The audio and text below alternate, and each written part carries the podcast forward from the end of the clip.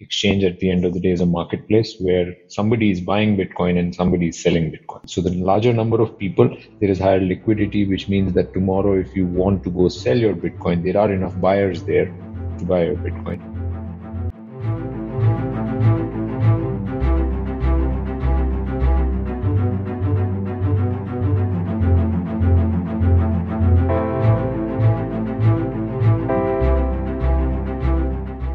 We have covered little bit of Bitcoin का basics अभी तक राइट right? अभी तक हमने ये बताया कि बिटकॉइन खरीदना चाहिए because we think there is a lot of upside to it पर ये नहीं बताया कि कहाँ खरीदना चाहिए how to buy Bitcoin and once to buy Bitcoin whenever you want to sell it how to sell Bitcoin this is something that we have not explain so we one explain it mainly from the Indian perspective wait is the same every way but हम थोड़े Indian examples देंगे, थोड़े US के भी examples देंगे because that's where Bitcoin has seen a lot of action so let's start by asking wishes how to buy Bitcoin?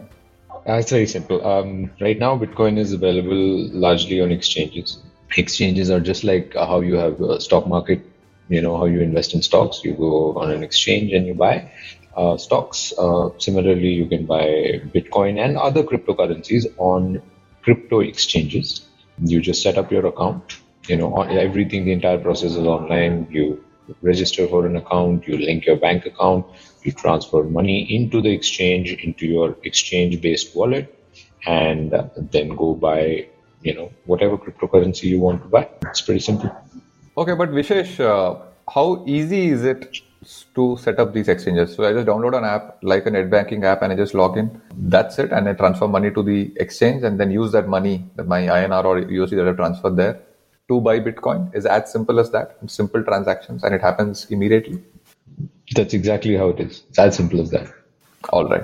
How do you pick exchanges if there are a lot of them? We are not suggesting any exchanges.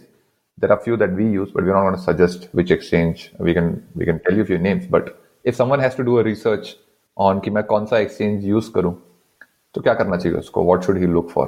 Look for I think uh, two things. First of all, you know, start with Google, basic research. Look for you know what are the top exchanges in the region that you are in uh, I am in the US and I look for the number one exchange in the US.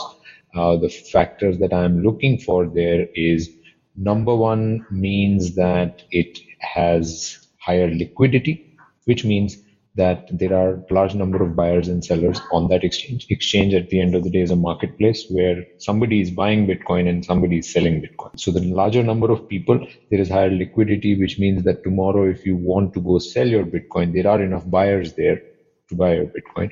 And if uh, you are uh, trying to buy Bitcoin, there are enough sellers there. If if there are not enough sellers, imagine right? It's again supply demand. If there are not enough sellers and too many buyers, then the price will go up. So the larger the exchange, the better. The uh, there will be better liquidity, and the other thing that comes, at least in the US, or one of the factors for my consideration was I went with the number one exchange here in the US, which is Coinbase, is that they are well regulated. This is an emerging space. So there is a lot of new startups, new businesses who've started exchange services and not all of them may not may be necessarily regulated and have the right security protocols and smaller exchanges that are not based in your region or are not regulated or not registered companies they may not follow all the right practices. Maybe their security standards are lower because they're trying to cut costs and maybe they can get hacked tomorrow or they do some practice which causes them to be shut down. So try and go with the most renowned names. Yes, that also means that sometimes you might have to pay one or half a percentage higher because that's the premium you pay for going with a better exchange. But in the larger scheme of things, that's always the wiser choice. Uh, could you explain the transaction costs or what are these this percentage that you spoke about? If you could detail when I buy Bitcoin, at what point during my uh, transaction from putting money into the exchange and then using my money in the exchange to buy Bitcoin or any cryptocurrency, where all do I get charged? And of course, I can sell on these exchanges also. Then there again, where all do I get charged? so that they can look for these in their terms and conditions of these yeah it's basically during the transaction right either in a buying activity or a selling activity in both activities exchanges might charge you a fee of the total overall amount of your transaction again this may be tiered based on uh, the size of the transaction the higher the transaction the percentage that fee that they charge might be lower again, this depends on how big the exchange is, what they're trying to do. If it's a new startup, new exchange, even though they may be regulated, they might just have an offer, just like how you know new startups give you offers to attract customers. That might be a thing. So a younger exchange might have lower fees because they're trying to attract more customers. But yeah, the fees are generally ranging between well, starting from zero. Uh, some exchanges are literally not charging any fee to half to a one percent is generally a standard here in the US. One and a half, maybe some of them. Um, and then going to India, I think there are a few exchanges that have two to three to four percent even, and that's unfortunately higher. But right now, India is also a smaller market. As the industry matures, I think uh, that uh, transaction fee will also begin to kind of get lower, and there's more competition that will just drive the costs down. So Vishesh, uh, like if I take a step back and I compare it as is to equity, like in India or in US, uh, we buy the exchanges are NSE and Nasdaq and we buy shares through a brokerage firm like say a Zerodha or a Robinhood or say a Fidelity or, or ICICI Securities. Here, what we're talking about is just an exchange. We don't have any brokerages. Am I right on that? Yes, yes. Uh, that's that's a bit of a technicality that I um, I haven't really honestly done a lot of research on that particular subject, but uh, my understanding is you're right that there are no middleman brokerages here. These are private exchanges um, they're private businesses and you're buying this directly. And I believe the reason for that is that Bitcoin is a decentralized. It's not, there is no central authority that owns and certifies like with the NASDAQ or, you know, NSE in India, those exchanges, a security has to be issued. There is a regulatory body that says, yes, this company is going public. Here's our stamp. And now this company can go trade publicly. Their shares trade publicly. In case of Bitcoin, there is no single authority, centralized authority that is kind of authorizing that this is the Bitcoin that can be, you know, so there is no role for a central authority like an exchange. So while they are called exchanges, I think they play more of a role of a sort of or dual role of both exchange and brokerage in the crypto space. They are the place where people come, more like a marketplace. You just come here and you exchange your Bitcoin, buy and sell right? Two parties come and then they perform that transaction. Yeah. And hence the liquidity co- uh, concept that you mentioned at the beginning becomes even more uh, important when we are choosing our exchange. Okay. Uh, you know, a follow on on this is that uh, today, uh, as you said, it's decentralized and uh, and we have multiple exchanges across the globe. So today, can I go ahead and or should I go ahead and use an exchange which is number one in the world, or should I look at an exchange which is number one in my country? Or is there any regulation around it?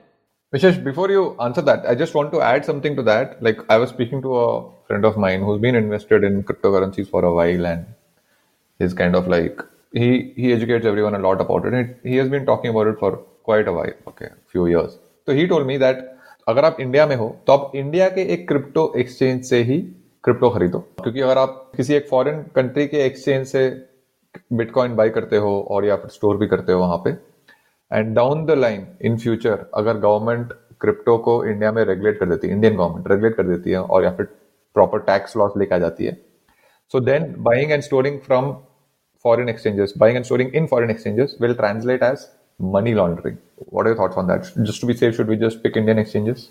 I would agree with that. Uh, that to be safe, you should just pick Indian exchanges or exchanges that are operating within the jurisdiction that you live. I don't know if it is deterministic or we can be as deterministic about that that will qualify as money laundering.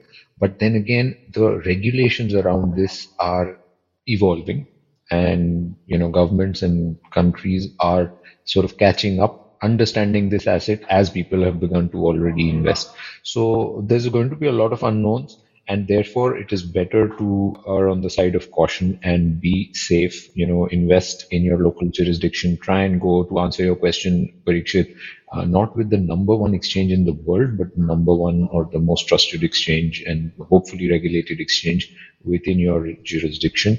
For the moment and uh, the other factor, I think, why do people go to other exchanges? I think there's only only two reasons, right? One, we mentioned that in Indian, in the crypto, Indian crypto industry, the costs are higher, the transaction fees possibly is higher because uh, you know the market is not as mature. There's not so much competition, and that's why somebody might be interested. Hey, let me just go use a you know US based exchange because the fees might be lower there.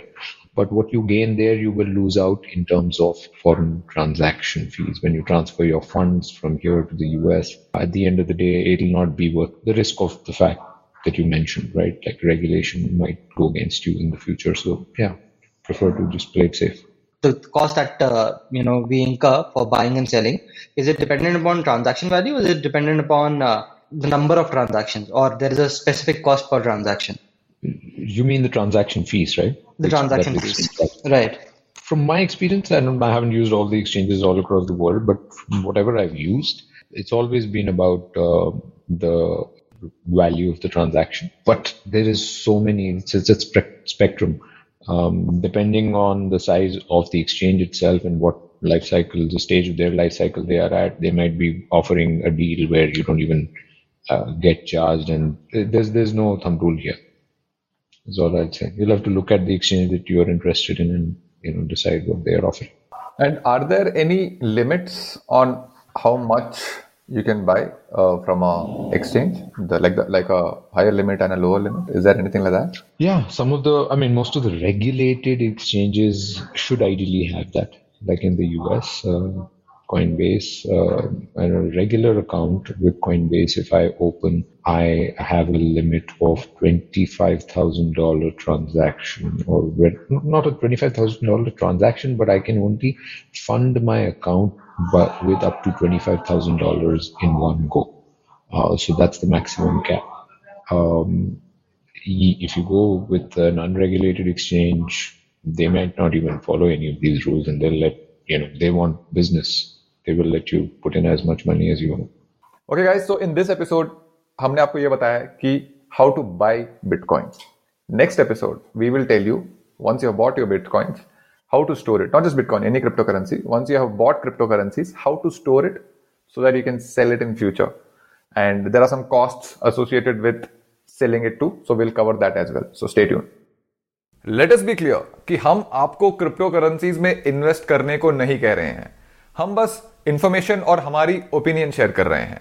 अगर आपको crypto currencies में invest करना है तो खुद से research कीजिए और फिर इन्वेस्ट करिए। If you are listening to us on a podcast let me tell you that आप हमें यूट्यूब पर भी देख सकते हैं।